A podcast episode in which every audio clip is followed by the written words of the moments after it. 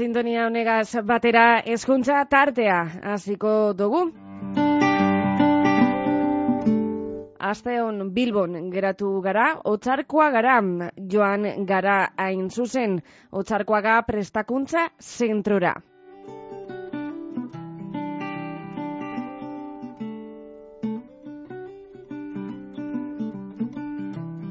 Mila bederatziren da irurogeitik e, bilbotarrei eta bizkaiko ikaslei hezkuntza eskaintza zabala eskaintzen deutzie.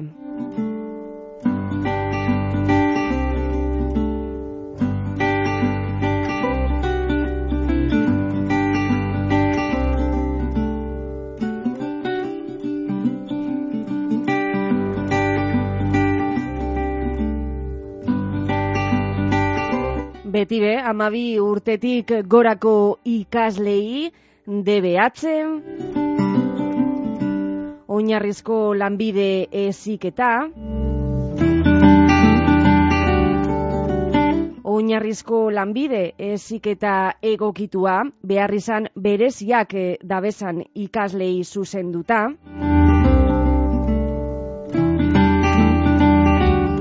erdi mailako zikloak, goi mailako zikloak eta helduentzako hezkuntza B badaukie Otsarkoagako formazio zentroan.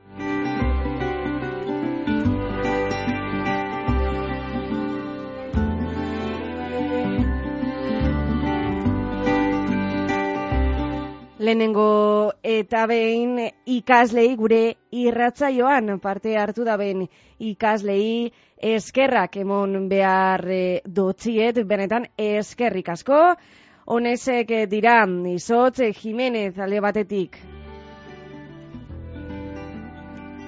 Jon García. Usue Jario. Adur de Miguel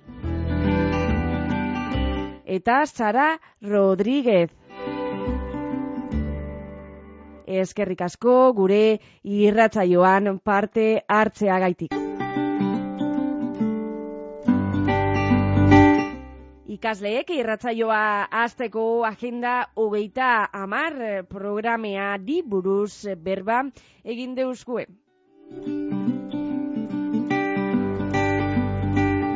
Agenda hogeita hamar nazio batuen programa bat da, mila laro an Radio de Janeiro sinatua. Proiektu honek garapen iraunkorra sustatzen du helburu nagusi. Hau da, guk orain gure beharrak asetxea, behar duguna lortzea, baina gure ondoren gehi kalte egin gabe. Be mila bosteko ilailaren hogeita bostean, programa horren helburuak beharriko ziren. Egun eta laro gehieta meretzi herrialdek kompromesu hartu zuten. Amazazpil buru daude, ea, 2008 marrerako betetzen diren. Helburuak hauek dira, pertsonen arteko berdintasuna, planeta babestea eta uparotasuna bermatzea. Programa hau munduan jarduteko modu bat da. Horretarako oso garrantzitsua da garapen iraunkorra, erdera desarrollo sostenible ditzen dena. E, zer da garapen iraunkorra? Garapen iraunkorra egungo beharrak gazetzeko gaiden aurrera pena da. Etorkizuneko belaunaldiek bere beharrak asetzeko duten gaitasuna. Arriskoan jarri gabe, Garapen iraunkorrak ahalegin handiak eskatzen ditu pertsonentzat eta planetarentzat. Etorkizun inklusiboa, iraunkorra eta resilientea eraikitzeko.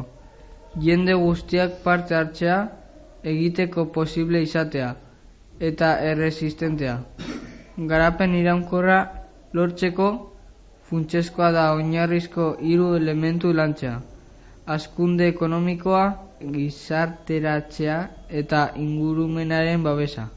Elementu horiek elkarretin lotuta daude eta guztiak dira funtsezkoak. Pertsonen eta gizarteen ongizateko herrialde batzuek helburu hoietan lan egingo dute eta beste batzuek ez. 2008 erarte daukagu helburuak betetzeko. Nera aplikatzen dira garapen iraunkorreko helburuak nola gainberi garatuko dira mundu guztiko talde bat sortu da herrialdeak zelan doazen ikusteko. Guk gure ikastetxean amaikagarren helburua lantzen ari gara. Hiri eta komunitate jasangarriak lantzen dira zuzen. Ondoren goko datuak garrantzitsuak dira helburu ulertzeko. Gizateriaren erdia iru mila bostregun milioi pertsona hirietan bizi da gaur egun. Eta 2008 marrerako zifra hori bost mila milioira igoko dela uste da. Gaur egun, sortxirun eta laro iru milioi pertsona bizi dira oso marginaletan, eta gehienak Asia aldean eta Afrika egoeki aldean daude. Munduko hiriek lurraren eureko hiru bakarrik hartzen dute, baina energiaren kontsumaren euro, euneko irurogei eta euneko larogei artean, eta karbono izurketen euneko irurogei tamabost botatzen dute. Atmosferaren kutsaduraren ondorioz lokoma behi milioi eriotxa iragiten ditu. Eta hau ikusita, zer egin dezakegu guk, aktiboki parte hartzea zure iriaren antolamenduan. Etorkizunean pentsatu behar da, batzuetan hori ez da erresa, ezta? Gure hiri eta herrietan lanpostuak egotea behar dugu, baina askotan ez dago lanpostu nahiko. Medikuaren gana erraz joan zaitezkete, oso garrantzitsua da osasun zentroak hurbil edukitzea. Behar dugunean erraz alegatzeko. Herrialde batzuetan orduak eman behar dituzte, medikoaren gana ailegatu arte. Modu seguruan joan aldira ikaslek oinez eskolara? Arriskurik badago gerraterik dagoelako? Munduan oraintxe bertan Irulogeita lau toki desberdinetan gerrateak aktiboak daude. Besteak beste Afganistan, Iran, Etiopia. Eta zer egiten dugu guk eskolan, helburu batzuk lantzen ditugu. Bigarren helburua, gozerik ez, eskolan kozinatzeko tailerrak antolatzen ditugu. Zukalatzen ikasteko.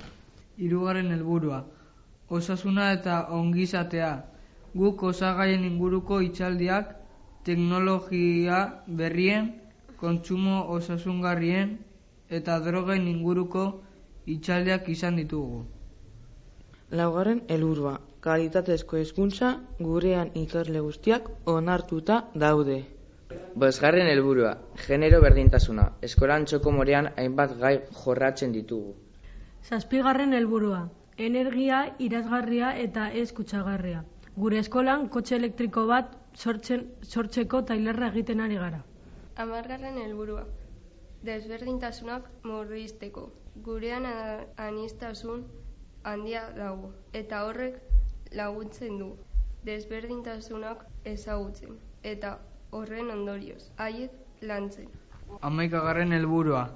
Hiri eta komunitate jasangarriak patrimonioren inguruko tailerrak egiten ditugu, ditugu eskolan.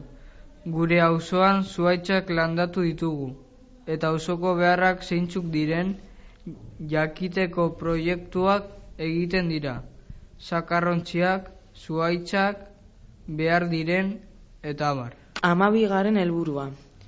Ekoizpen eta kontsumo arduratsuak eskolan hortua dugu eta horren inguruan tailerak egiten ditugu. Amairugarren helburua, klimaren aldeko ekintzak, ikastetxean klimaren ondoren ingureko tailerrak eta itxaldeak jaso ditugu. Amazazpigarren eta lehenengo helburua, hizkuntza eta kultura anistasuna. Guk euskera eta euskeraren kultura lantzen dugu. Eskolan toki desberdinetatik etorritako ikasleak daude.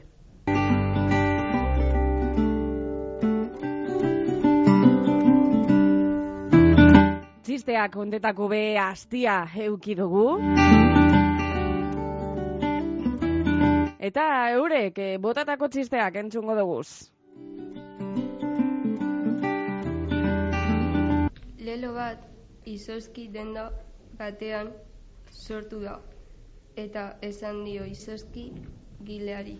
Emango didazu izoski bat mesedez, zezaporekoa, berdin zait, erori egingo zait. Gizon bat medikoaren gana joan zen eta esan zion. Mediko jauna, arazo bat daukat, nire puskerrek ez dutu zainik. Hori ez da posible, bota zazu bat orain bertan. Hori larria da, ebakuntza behar duzu. Ipurdian, ez gizona, sudurrean. Ume batek bere lagunari, Nire aitak amar urteetan ez du hilerik moztu. Zer daba, artista bat ez buruzoila. Aur batek dio amari ikastoratik etxera jandakoan. Ama, bi notiziak hartzat lehenen, lehenengoa oso nada ma, matematikan amaratera dut. Oso ongi, oso ongi. Eta zein da bigarren notizia galdetzen dio amak. Ba, lehenengo notizia gezurra dela. Egun batean ume batek amari esan zion. Zergatik sartzen duzu pijama almohadaren azpian? Ez imurtzeko. Eta zergatik ez duzu amona sartzen?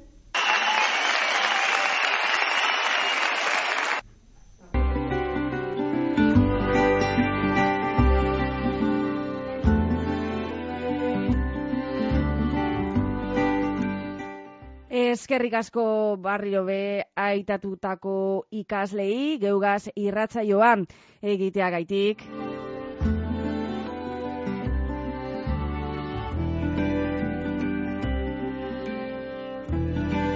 Eta hortze be laguntza hiele segundan aitzi berreri be mila esker. Eta urrengo ikasturterarte, ondo izan!